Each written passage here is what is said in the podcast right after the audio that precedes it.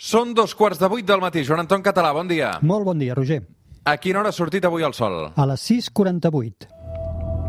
3, 2, 1, seganya!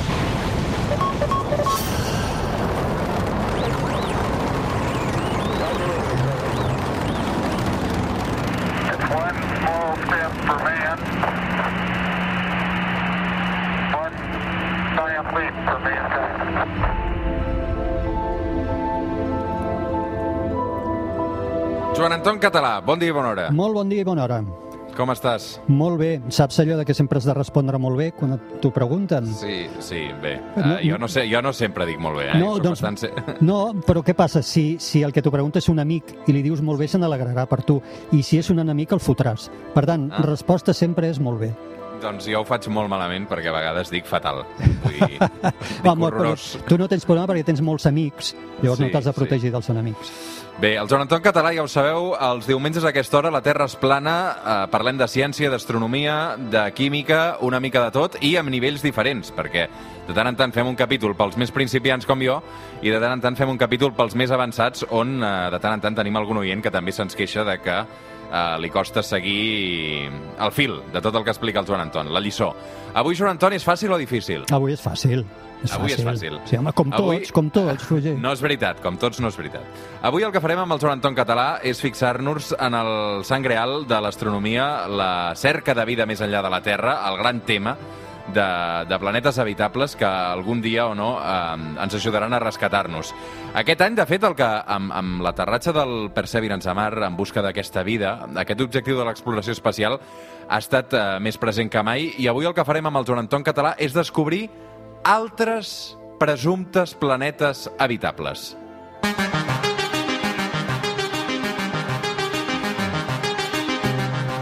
A veure, la lliçó número 1, Joan Anton Català, que no ens cansem de repetir, des que fa 3 anys vam arrencar aquesta Terra es plana, és que no hi ha planeta B, no hi ha segona Terra. Exacte, i això ens ho hauríem de posar bé, bé al cap, eh? perquè molta, encara molts cops es pregunta, hi ha versió 2 de la Terra? No. És que només hi ha l'original, ens hem fet en aquí, jo sempre ho explico d'aquesta forma, no? Estimem, ens emocionem, vivim tal com la Terra ens ha fet, ens ha cuinat a foc lent durant milers de milions d'anys, i som com som, perquè això, ens hem evolucionat, hem, ens hem creat en aquest planeta, a mida d'aquest planeta, a la gravetat d'aquest planeta, a l'entorn d'aquest planeta, mai no hi haurà una Terra idèntica. Això no vol dir que no hi hagi planetes habitables que algun dia l'home pugui colonitzar, com poden ser Mart i els que avui parlarem, que són fora del nostre sistema solar, però versió 2, és un planeta igual de perfecte per nosaltres, no n'hi haurà cap altre. Per tant, que ningú pensi que això és com un bot salvavides. Ah, mira, sí, hi haurà planeta... Sí, val. Però el que hem de fer és preservar la joia que tenim de planeta i després ja veurem si podem també evitar-ne d'altres. Mm. Per tant, avui dedicarem un capítol als exoplanetes, no? Exacte. Primer, si vols, explico el concepte d'exoplaneta, perquè el que deia, avui ens fixarem en com estem buscant planetes habitables fora del nostre sistema solar. La paraula exoplaneta vol dir això, vol dir un planeta orbitant una estrella diferent al Sol. Eh, Fixa-t'hi, el primer exoplaneta que orbitava una estrella similar al nostre Sol es va descobrir l'any 1995. Això va ser ahir, és a dir, fa molt poc que, que vam detectar els primers exoplanetes. De totes formes, ja hi havia gent molt, molt, en una visió extraordinària, com Giordano Bruno, al segle XVII, començaments del segle XVII, que eh, ell estava convençut que aquells puntets que fan pampallugues al cel eren altres sols i que, per tant, podien te tenir planetes. Llavors va cometre l'error de pensar o de dir que si hi havia planetes també hi podria haver-hi humans i a la Inquisició això no li va perdonar, a pesar que ell era un clergue i el van cremar a la foguera de de la Inquisició l'any 1600 per pensar això i altres coses. Ha passat segles fins que realment diguem, mira, mira, Giordano Bruno tenia raó.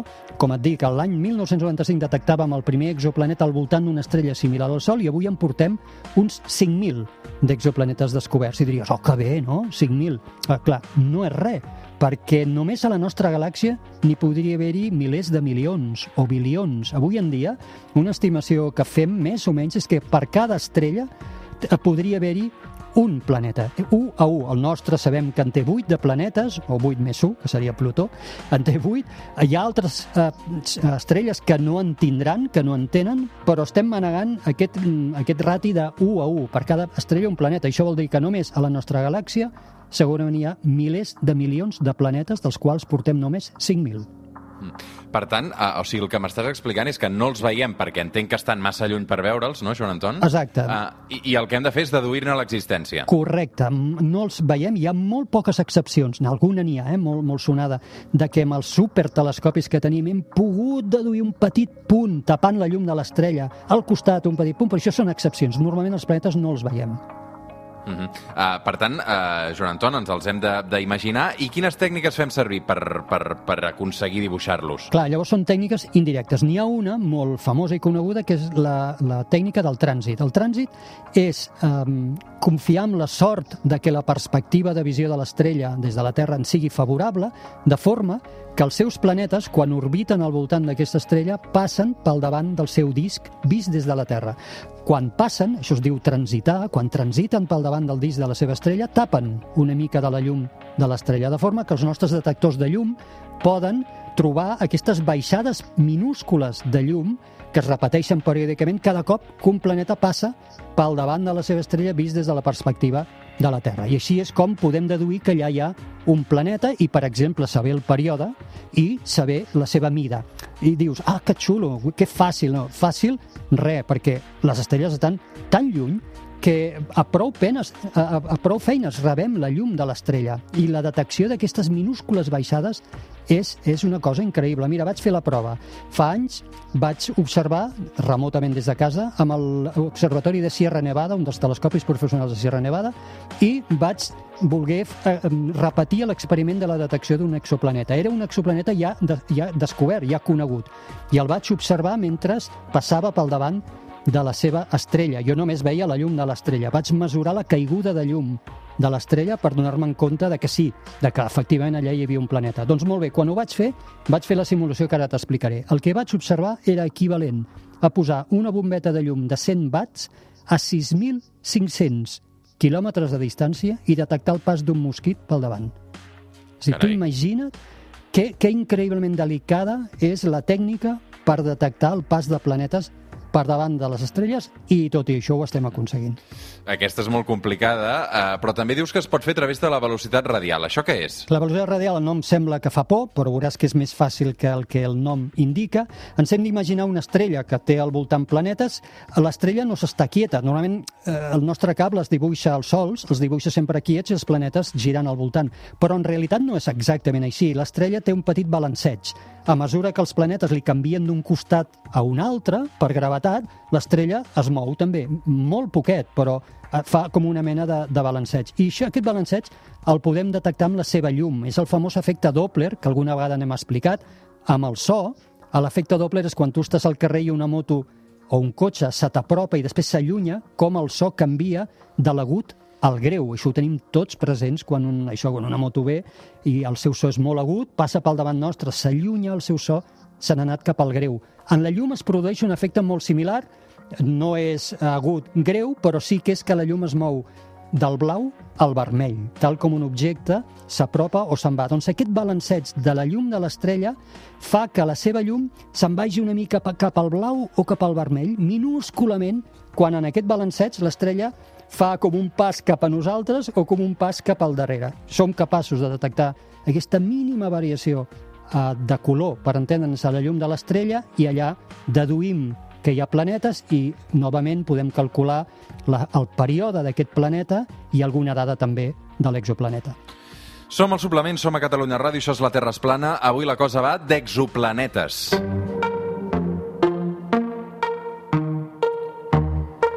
Clar, a nosaltres, Joan Anton, els humans, el que ens interessa realment quan estudiem això és que eh, s'assemblin una mica a nosaltres, no? Que encara que dius que no hi ha planeta B, en el fons sí que busquem una alternativa. Aleshores, busquem exoplanetes que tinguin característiques similars a la Terra, suposo. Sí, exacte. I llavors definim en astronomia una zona al voltant de les estrelles que n'anomenem zona habitable. La zona habitable d'una estrella, i això moltes vegades porta a confusió, zona habitable d'una estrella en astronomia és la regió al voltant d'un sol, d'una estrella, a on un planeta situat dins d'aquella regió, orbitant dins d'aquella regió, en el cas de tenir aigua en superfície, podria estar líquida. Les temperatures farien que aquesta aigua pogués ser líquida. En això li diem zona habitable, però fixa-t'hi que dir que un planeta està en zona habitable no vol dir ni tan sols que tingui aigua. No ho sabem si té aigua. Simplement que està en una zona on les temperatures són les idònies, les correctes, perquè en el cas de tenir aigua, aquesta aigua podria estar líquida en superfície. Per tant, aquest és una mica l'objectiu que estem fent,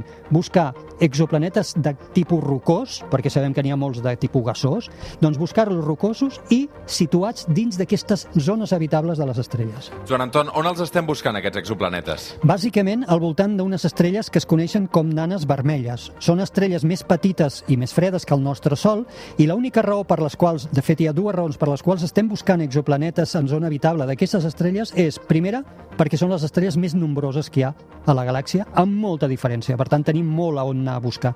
Però sobretot perquè al ser petites són més sensibles a tots aquests efectes indirectes que hem anomenat el balanceig quan hi ha planetes o el fet de que es tapi una mica de la seva llum quan un planeta passi pel davant, al ser petitones i amb poca massa, són molt més sensibles. Ens és molt més fàcil detectar exoplanetes en aquestes estrelles. Mm. El que passa és que no està tan clar que, que aquests exoplanetes eh, orbitin nanes vermelles ho tinguin fàcil, no? Gens, perquè les nanes vermelles també sabem que tenen mal caràcter.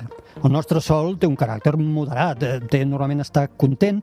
De tant en tant ens envia, té ejeccions de massa coronal, que són aquestes grans erupcions que a vegades veiem en fotografies de la NASA del Sol, eh, però les nanes vermelles són molt més actives que el nostre Sol. Són estrelles, això, que tenen molta activitat, tenen flamarades, envien ejeccions de massa a l'espai. Normalment els seus planetes tenen tendència també a estar ensenyant sempre la mateixa cara a l'estrella, de forma que suposem que viure en un d'aquests exoplanetes al voltant d'una nana vermella tampoc ha de ser tan fàcil. Mm -hmm. Escolta'm, uh, hem de dir que de tots aquests exoplanetes uh, n'hi ha un que és català, Joan Anton. Home, dit així, que, bueno, podríem reclamar la, la nacionalitat, si vols, ho podríem intentar. I és que l'any 2016 es va anunciar eh, que un equip de científics liderat pel gran astrònom català Guillem Anglada Escudé, que l'hem convidat alguna vegada aquí al programa i n'hem parlat d'ell, que llavors eh, estava treballant a la Universitat de Queen Mary a Londres, van anunciar la descoberta d'un exoplaneta en zona habitable de l'estrella més propera que tenim a la Terra després del Sol, lògicament, que és Pròxima Centauri. Pròxima Centauri és una estrella que està a tan sols 4,2 anys llum, que això és aquí a la vora, doncs es va descobrir el planeta Pròxima B, un planeta rocós també, orbitant, com et deia, i en zona habitable. Sabem poc més que això, però va ser una gran descoberta perquè, de fet, és l'exoplaneta més proper a la Terra. Mm. El Guillem Anglada Escudé, un bon amic també d'aquest programa, l'hem convidat diverses vegades eh, amb entrevistes, vull dir que si voleu recuperar també aquesta conversa, catradio.cat barra el suplement amb el Guillem Anglada Escudé. Eh, allà hi trobareu també algunes d'aquestes converses on també hi ha participat el Joan Anton Català. Joan Anton, què passa amb els exoplanetes que estan al voltant d'altres tipus d'estrelles? Clar, aquest és el següent pas. Diem, val, nanes vermelles ens faciliten el poder-los detectar, però el que voldríem és detectar, entre cometes, terres que orbitessin estrelles similars al nostre Sol, no nanes vermelles. Clar, aquí la detecció ja es fa molt més complexa i la nostra tecnologia comença a permetre-ho. Estem justament al límit en què ja podem començar a detectar amb estrelles més grans com el nostre Sol petits balancejos o petits trànsits, passos de planetes pel davant. Eh, en coneixem encara poc, estem començant eh, en aquest tipus de tecnologia. Un darrer estudi de la NASA vaig llegir que estima que com a mínim la meitat d'estrelles que hi ha a la galàxia similars al Sol, i això són milers de milions, molts, centenars de milers de milions, tindrien almenys un planeta rocós en zona habitable. Però com et dic, estem justament començant ara, ja n'hem descobert alguns, però és una tecnologia que comença a donar els seus fruits i que en els propers anys aquest serà el foco. El nostre foco passarà segurament de les nanes vermelles a començar ja a intentar detectar planetes rocosos amb zones habitables d'estrelles similars al Sol. I, Joan Anton, quants d'aquests exoplanetes detectats són terres, entre cometes, si m'ho deixes dir Sí, així? sí, poquíssims. Una mica més d'una dotzena. Entre els 5.000 que coneixem, que torno a dir, en valor absolut semblen molt, però relatiu és no res comparat amb els que hi ha d'haver a la galàxia, doncs apenes, depèn de l'autor, una dotzena, eh, una dotzena i mitja, eh, són, això, podrien ser planetes, o sabem que són planetes rocosos habitant eh, orbitant, perdó, la zona habitable, que no vol dir ni tan sols que sapiguem que hi hagi aigua. En algun d'ells sospitem que sí. Però és tot el que sabem, és, és desesperant, eh? Recordem aquesta enorme complicació que tenim en detectar-los i després que estan tan lluny que no hi podríem enviar mai res. Pensem que si volguéssim enviar en la tecnologia actual una nau al pròxim AB, el que dèiem que havia descobert a l'anglà d'Escuder, trigaríem més de 50.000 anys amb la tecnologia actual en arribar-hi. Això és, és, ens ho fa absolutament impracticable. Per tant, és molt desesperant. Estem començant, justament estem començant, i eh, també comencem en remot a intentar detectar coses com atmosfera o aigua, una cosa molt complicada. Escolta'm, a- amb tot això que ens estàs explicant, Joan Anton, potser és hora que, que, que ampliem aquest concepte d'habitable, no? Uh, Sí. Lloc on habitar. Sí, sí, perquè la, la natura sempre ens està ensenyant, com no podia ser d'una altra forma. Aquí a la Terra n'hem parlat molts cops, estem descobrint extremòfils, organismes capaços de viure en condicions extremes que mai hauríem sospitat que fos possible. Ho comentàvem fa uns programes, hem pujat organismes a l'espai, els hem deixat a fora de l'Estació Espacial Internacional durant 3 anys i han sobreviscut fora a l'espai, increïble.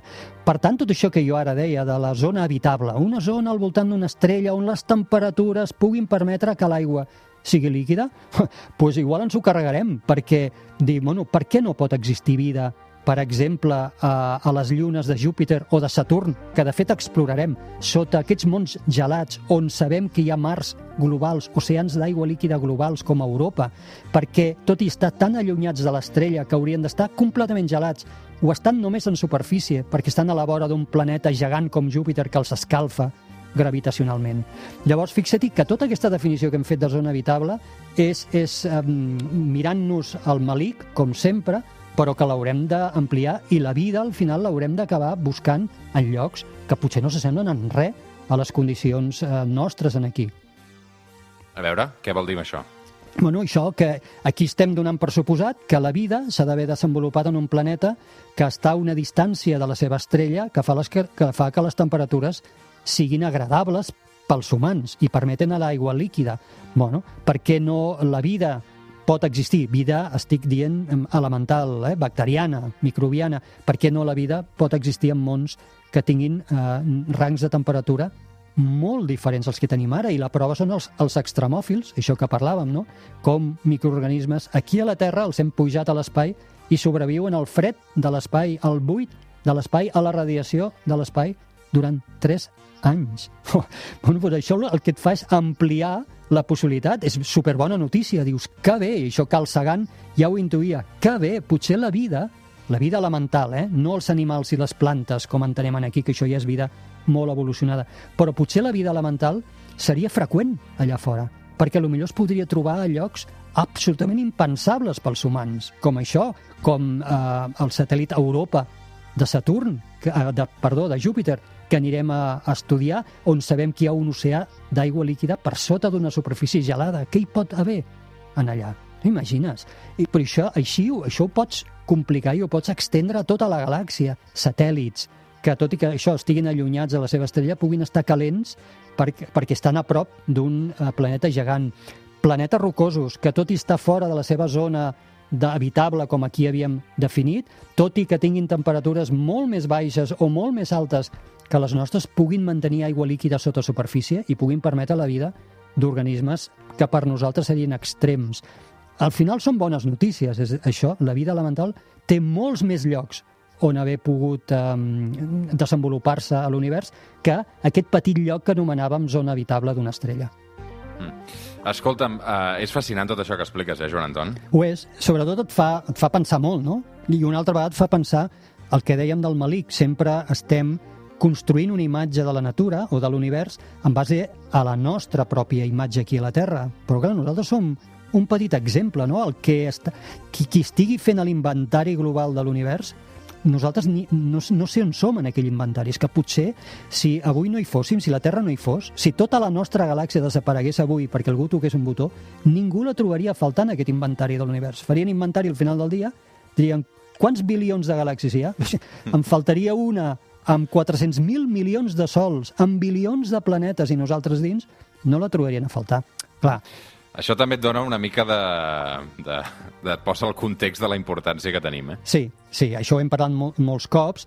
Eh, no podem malbaratar aquesta oportunitat tan bonica i, i extraordinària que tenim eh, de viure una vida que la natura ens ha donat, sent absolutament irrellevants com som, eh, som vius, no? I, I, a més, com a espècie, ens preguntem, ens fem preguntes i les volem respondre. I la pregunta de la vida la volem respondre. I ves per on, a lo millor la tindrem sort i ens tocarà la rifa i la podrem respondre a Mart, que està aquí mateix, està dins del nostre sistema solar a set mesos de viatge amb la tecnologia actual. Uh, però potser l'haurem també de respondre, o igual també la respondrem amb exoplanetes, com dèiem ara, i segurament la humanitat en el futur uh, descobrirem vida en llocs absolutament impensables per nosaltres. Joan Anton Català, per tancar, va, uh, deixem de banda aquests exoplanetes i fixem-nos en què hi pensarà aquesta setmana al cel si aixequem la vista. Val, doncs la setmana passada teníem la superlluna, una lluna plena gran. Aquesta setmana la tenim minvant. La lluna, per tant, recordem, lluna minvant, visible, per tant, de matinada i també durant el matí. És aquella lluna que veiem quan anem a treballar i veiem que ja és de dia perfectament, però encara es veu una lluna, aquella és una lluna minvant. I se situarà aquesta lluna minvant visualment molt a prop de Júpiter i de Saturn sobre l'horitzó est, junt, just abans de la sortida de Sol. Qui vulgui eh, mirar la nit eh, estrellada abans de que la lluna ens molesti, diríem, de matinada, veurà que la constel·lació que domina sobre els nostres eh, caps, si la sap reconèixer, això en una guia és fàcil reconèixer-ho, és la gran constel·lació del Lleó, quasi en vertical, vertical, durant la primera part del vespre. Doncs n'estarem pendents també d'aquest panorama, eh, si més no, si, si alcem la vista, que sempre és una cosa que, que ve de gust per desconnectar també de, de l'actualitat i del dia a dia. Sí, senyor. Joan Anton Català, cuida't, una abraçada. Igualment, gràcies. Fem una pausa i de seguida tornem.